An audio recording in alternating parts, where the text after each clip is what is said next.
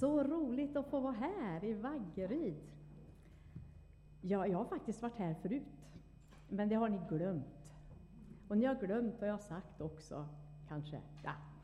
Men hur som, det har varit väldigt roligt. När jag var här, då var det för att jag jobbar som församlingsutvecklare i Region Öst.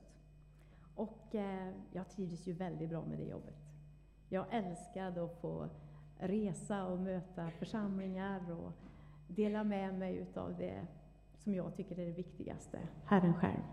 Och förhoppningsvis att församlingar får växa.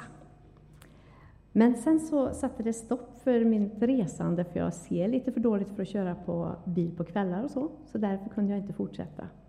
Men man kan ju brinna för saker i alla fall. Och nu då så jobbar jag där jag bor, i Mullsjö. Så där jobbar jag 60 procent som pastor i församlingen. Men så kan jag ju inte låta bli, jag reser lite ändå. Så jag fixade ett eget företag. Så jag är VD. Det är ni. Och min man är ekonomichef. ja, det här är bara skämt. Men, men det är roligt att komma ut och få dela.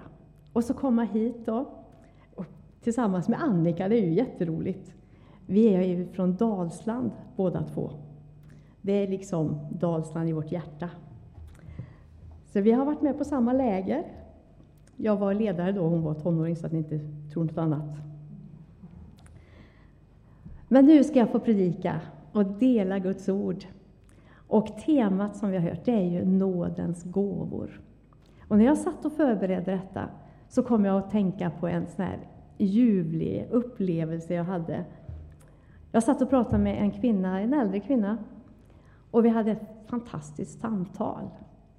Och rätt som det är så började vi att prata om vad är fredagsmys? Det kan man också prata om. Och då sa hon att ja, min man och jag, vårt fredagsmys, det är att vi äter choklad. Och jag förstod att det var inga små chokladkakor de köpte, utan det var varsin. Och så hade de sitt kaffe. Och sen brukar de sätta sig då i de här goa fåtöljerna. Och så var det en fredag som skulle göra samma sak. Och eh, precis när de skulle gå och sätta sig så ringde mannens telefon. Och den var i ett annat rum. Så hon gick och satte sig med kaffet och chokladen. Och hon hörde hur han pratade och pratade. Och hon satt där och knaprade på sin choklad. Och åt och åt. Och han pratade och pratade. Till slut hade hon ätit upp sin choklad. Men den där längtan att få mer kunde hon inte låta bli. Hon börjar blänga på sin mans choklad och så börjar hon liksom, jag tar en bit. Så tog hon en bit. Och så tog hon lite till och lite till. Efter ett tag så hör hon hur mannen slutar sitt samtal och kommer in i rummet. Och hon skämdes. Och mannen tittar på henne, tittar på chokladen, tittar på henne tittar på chokladen. Och hon sa nej, det, det är pinsamt. Hon sa inget. Hon bara kände. Till slut så tar mannen chokladen som var kvar, delar den och ger hälften till sin fru. Och då säger hon, Gunnel, är inte detta nåd? Eller hur? Det är nåd. Det låter som det brusar lite. Är det jag som ska vara närmare? Så, ja. Och jag tänkte, det är nåd. Nåd att få ta emot någonting som man faktiskt inte är värd. Och temat är ju nådens gåvor. Alltså, är vi värda detta? Ja, Gud vill ju att vi ska få ta emot gåvorna. Gud vill att vi ska få gåvor i vårt liv som vi får dela med oss till andra av. För att hans rike ska bli känt, trott och efterföljt. Så eh, tankarna finns där, nådens gåvor. Och vi har hört eh, från ifrån första Korintierbrevet om gåvorna där. Och jag vill använda Romarbrevet 12, som också står om Andens gåvor. Men jag börjar faktiskt redan på första versen. För Jag tycker att det är en sån viktig del, de här första verserna som är, är där i Romarbrevet 12 och 1. Nu står det bröder här, men vi systrar vi får också vara med, så att ni vet det. Paulus skriver Därför ber jag er bröder, vid Guds barmhärtighet, att frambära er själva som ett levande och heligt offer som behagar Gud. Det ska vara er andliga gudstjänst. Anpassa er inte efter denna världen, utan låt er förvandlas genom förnyelsen av era tankar, så att ni kan avgöra vad som är Guds vilja, det som är gott, behagar honom och är fullkomligt. Jag stannar bara där lite. Det ska vara er andliga gudstjänst. I den gamla översättningen, och som många teologer menar på, så borde det faktiskt fortfarande stå det ska vara er tempel, tempeltjänst. Och varför då? Jo, det står också vidare i Korinthierbrevet bland annat att er kropp ska vara ett tempel för den helige Ande. Och vi får vara i tempeltjänst. Det är vår andliga gudstjänst. Vi ska vara färgade av Gud, han i vårt liv, så att det får färgas vidare. Och så kommer det. I kraft av den nåd som jag har fått säger jag till var och en av er, ha inte för höga tankar om er själva, utan tänk som man bör tänka, med självbesinning. Så att var och en rättar sig efter det mått av tro som Gud har tilldelat honom. Ty liksom vi har en enda kropp med många lemmar, alla med olika uppgifter, så utgör vi, fast många, en enda kropp i Kristus. Men var för sig är vi lemmar som är till för varandra. Vi har olika gåvor, allt efter den nåd vi har fått. Profetisk gåva i förhållande till vår tro. Tjänandets gåva hos den som tjänar. Undervisningens gåva hos den som undervisar. Tröstens gåva hos den som tröstar och förmanar. Gåvan att frikostigt dela med sig. Att vara nitisk som ledare och att med glatt hjärta visa barmhärtighet. Er kärlek ska vara uppriktig. Avsky det onda, håll fast vid det goda. Visa varandra tillgivenhet och broderlig kärlek. Överträffa varandra i ömsesidig aktning. Slappna inte i river, håll er brinnande i anden och tjäna Herren. Nu kan jag inte låta bli att berätta. Jag hade sagt, tänkt för mig själv, jag ska inte säga detta, jag ska inte säga detta, men jag kan inte låta bli. När jag var nykristen, jag blev kristen när jag var 24 ungefär, bodde i Trollhättan då och eh, började ganska snabbt att jobba i Svenska kyrkan där.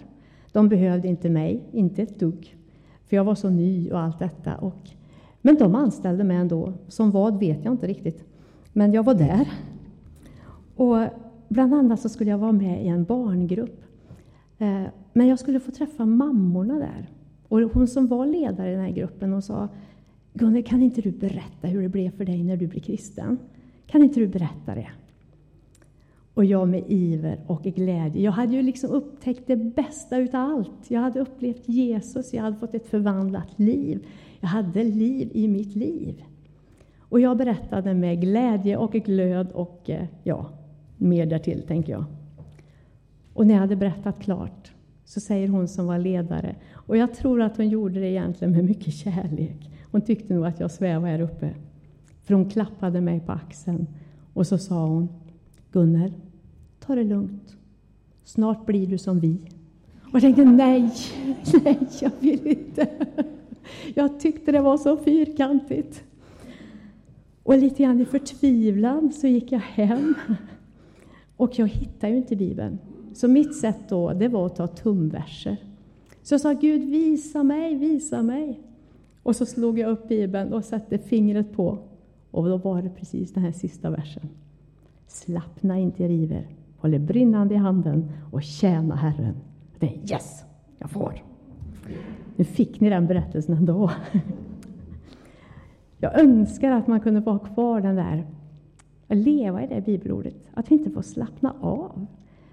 slappna av, men på ett gott sätt. vara ledd utav Herren. Alltså det som stod i den här texten, det är ju att vi är lemmar i Kristi kropp. Varenda en. Vi är som pusselbitar. Ibland så ser jag framför mig, liksom, jag, hade, jag har en ögonsjukdom, så ibland så ser jag jättekrokigt. Och det är ganska roligt, för att då, då är det som pusselbitar. Då är det så här, ja, nu kan de sätta sig ihop.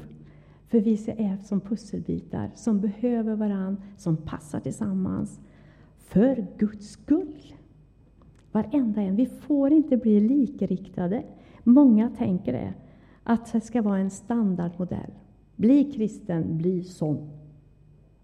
Då ska det vara sån. Nej, det handlar inte om det. När Gud skapade dig och mig så gjorde han det för att vi skulle passa ihop. För att vi skulle ha gåvor som skulle hjälpa varann och hjälpa varann att se Gud, hjälpa varann att leva efter hans vilja. Så olikheterna, det är en gåva ifrån Gud. Vi är varandras lemmar. Vi behöver varandra. Och jag tänker i den här tiden, coronatid, alltså jag känner i alla fall en sån längtan efter att vara tillsammans på ett vanligt sätt. Vi kan nå varandra genom telefon och allt detta och på avstånd. Men jag tänker, är det någonting som den onde gör i detta med corona så är det just här att se till att vi får avstånd för långt.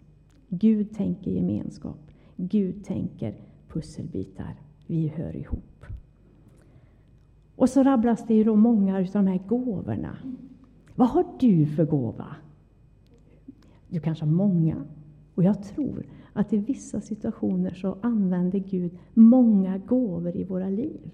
Det är inte bara kanske att det är specifikt en, utan det kan vara situationer där det bara får bubbla utav alla gåvor.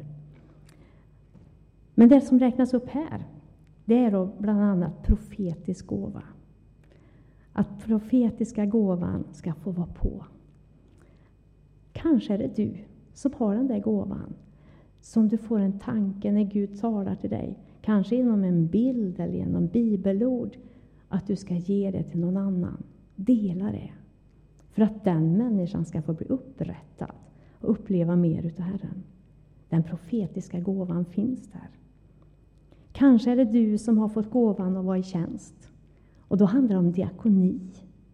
Att få vara diakonal, att få dela med sig utav sin tid, att finnas där. Det stod också lärare. Och här handlar det faktiskt om lärare i Guds ord. Att dela med sig av Guds ord, att vara lärare på det sättet. Men du kan också vara lärare på många andra sätt, med Guds kärlek och få dela med sig av det. Tröstens gåva.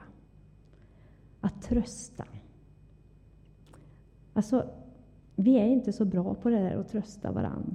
Men då finns det ju de som har den där särskilda gåvan, liksom, ögonen som säger ja men nu, det här, det finns en sorg, det finns en svårighet. Jag kan vara med och backa upp. Och det som står så fint, det är att tröstens gåva, de är tröst och förmaning går ihop. För ibland måste man förmana människor också. Jag behöver bli tillsagd, vad håller du på med? Eller vad det kan vara. Men då behövs också trösten, så att det går hand i hand. Frikostigt dela med sig. Ja, swisha kollekten. Gör det. Vissa gåvor är ju faktiskt sådana att, att eh, det gäller alla. Alla gör, behöver få dra sitt strå till stacken på det sätt som man kan. Och sen handlar det om att med ett glatt hjärta visa barmhärtighet. Alltså, det står uppraddat och man kan bara bli trött. Nej, men hur? Men inte jag, jag duger väl inte? Jo, du duger. Gud har utvalt dig för att det ska få ligga gåvor i ditt liv som inte bara ska ligga där och ruttna, utan få vara till välsignelse. Våga tro att du får ta steg i tro och se att det håller. Och i en gemenskap där man känner trygghet, där vågar man också pröva. Det kommer jag att berätta om lite senare. Men texterna vi har läst nu, det är från, från eh, breven. Vad säger Jesus själv om det här med gåvor? Och om man går till Matteus, det tionde kapitlet, och verserna 7 och 8. Och det här är utsändningstalet när Jesus skickar iväg lärjungarna, två och två, skickar iväg dem. Och så säger han så här. Förkunna på er väg att himmelriket är nära. Vet ni, det var det första Jesus sa när han började undervisa. När han hade döpts och när han hade gått, fått, blivit frestad och allt detta. Men det första Jesus säger när han börjar och sin vandring, det är omvänd er. Himmelriket är nära. Alltså få bära den frukten. Johannes döparen, innan Jesus blev döpt, han ropade ut Omvänd er, himmelriket är nära. Så kom fariseerna och saduceerna som också ville följa. Men då säger han så här Bär sån frukt som hör till omvändelsen. Alltså man märker på frukten vad det är man bär. Egentligen tänker jag att man skulle prata om Andens frukter innan man pratar om gåvorna.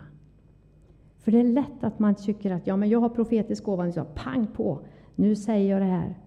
Men har du inte Andens frukt, kärlek med, då kan det kvitta. Och som det står i Första Korinthierbrevet 13, då är det bara en klang, klingande symbol. Eller vad det står, ja, något sånt. En skrällande kanske? Äh, ni vet vad jag menar. Det är inte bra i alla fall. Det ska vara kärleken med.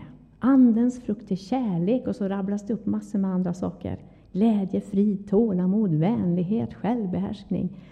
Allt detta.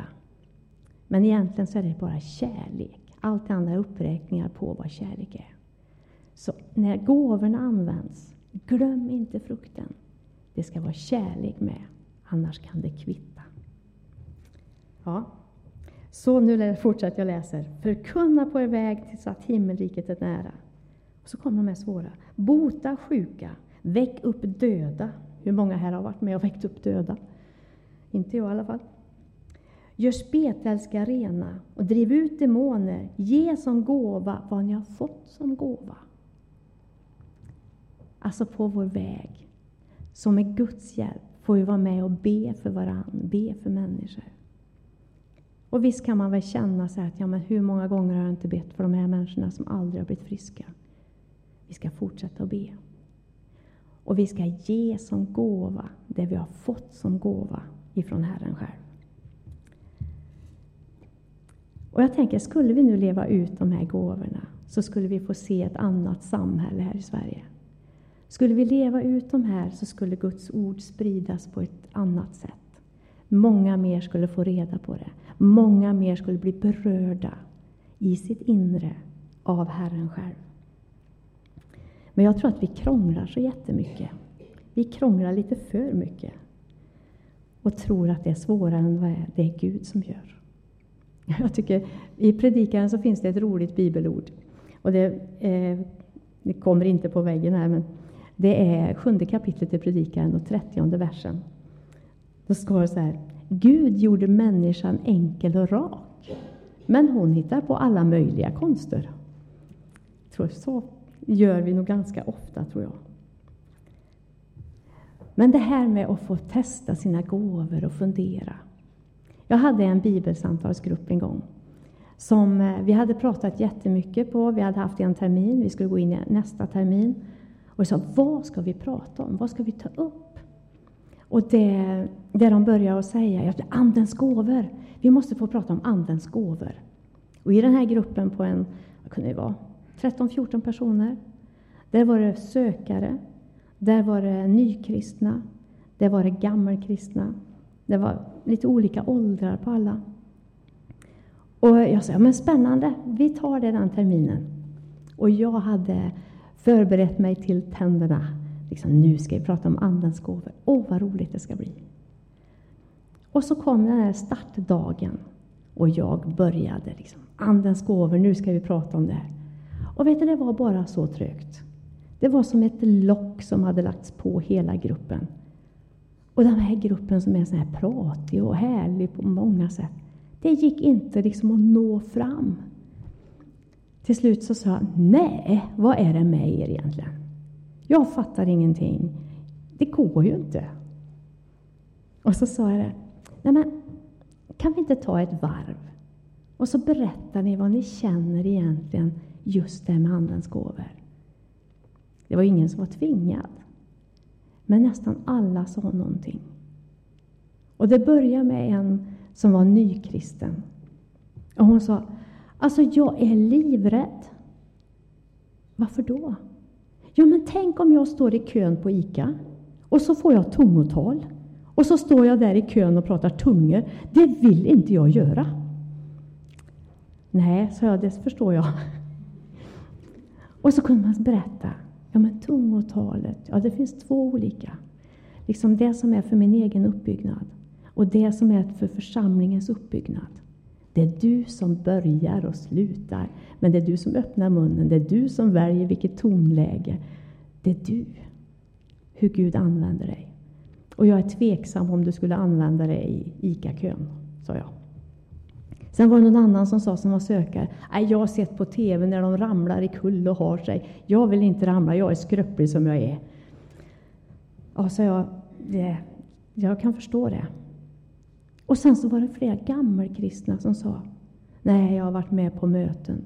Jag har varit med på möten när de har kommit ner i bänken och sagt, du, du ska åka till Afrika. Du, Gud har en kallelse till dig. Du ska den profetiska liksom, som bara knäcker. Och så gick vi runt och alla fick uppleva och berätta vad man tänkte. Och Det var som att det där locket försvann. Ja, men det är så. Men hur tänker Gud egentligen om gåvorna? Jo, de finns i våra liv för att vi ska få sprida evangelium och uppleva själva att vi är ett Guds barn. När den terminen hade gått, det som hände sen, då hade vi gått igenom många gåvor.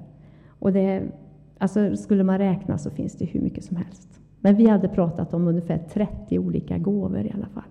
Med hänvisningar till Bibeln och sånt där. Och den här gruppen var så, kände varandra så väl nu. Så jag var modig. Och jag gav varenda en en lapp. Och jag sa, det ni ska göra nu, skriv ner en gåva som du känner att du har. Du kan ha många fler, men ta en. Och så samlar jag ihop lapparna. Och sen så läser jag upp en och en. Så ska vi se om vi kan tänka oss vem det är. Vet, I Bibeln så står det så här. Uppmuntra varandra varje dag, så länge man kan säga idag. Uppmuntran. Och så började jag ta upp en. Gästfrihetens gåva. Så att ingen skulle känna igen handstilen, det var därför. Då säger alla, det måste vara Ulla, det måste vara Ulla. Hon bjuder hem varenda en och hon tar hand om alla. Och jag frågar, är det du Ulla? Ja, det var rätt. Och sen så fick jag nästa lapp. Hantverkets gåva. Och direkt sa de, Micke, det är du. Alltså allt som ska byggas och fixas, det är ju du. Och det var det ju. Och vet ni, så här fungerar det. Bönens gåva. Ja, alla är vi bedjare. Men fanns det någon som var särskilt utrustad för bön? Ja, men det är ju Dagmar. Självklart. Jajamän. Vet ni, alla hade olika gåvor, utom två. Och det var den yngsta, som var ganska nykristen, och den äldste, som närmade sig 90. Och de hade skilja mellan andar. Och vi sa, vilken förmån i denna grupp och i församlingen och veta att det är två som har den svåraste, om jag får säga, den svåraste gåvan. En trygghet. Vad har du för gåvor? Vet du, jag hoppas att efter den här gudstjänsten att du ska börja fundera. Hur ska du kunna använda den? Hur ska du kunna se? Och du som har uppmuntrans gåva. Jag ber att du verkligen ska ta vara på det och gå runt till folk och säga det här tror jag. Det här, våga pröva. Våga testa. Det handlar inte om att vi ska bli glänsande på det sättet. För det är Jesus som ska synas. Det är Jesus som ska få vara i funktion. Så ta med detta. det som jag ville avsluta med, det är det som Elisabet börjar med. Och det är första Petrusbrevet, det fjärde kapitlet. Och vers 10 och 11. Så ni får höra den första versen igen och så tar jag en till. Tjäna varandra, var och en med den nådegåva han har fått, som goda förvaltare av Guds nåd i dess många former. Den som talar ska komma ihåg att han får sina ord från Gud, och den som tjänar att han tjänar med den styrka Gud ger. Låt Gud förhärligas i allt detta genom Jesus Kristus. Hans är härligheten och makten i evigheters evighet. Amen. Vi ber. Älskade Jesus, jag tackar dig för att du är så generös. Jag tackar dig, Herre, för att du har en sån kärleksfull och mäktig, att du är en sån kärleksfull och mäktig Gud. Tack, Herre, för det. Och tack, Herre, för att du vill visa varenda människa vem du är, hur du är. Och så har du lagt gåvorna i våra liv. Hjälp oss, Gud, och våga ta steg. Våga prova och våga se att du är med. Att vi får be för sjuka. Att vi får dela med oss av profetiska hälsningar.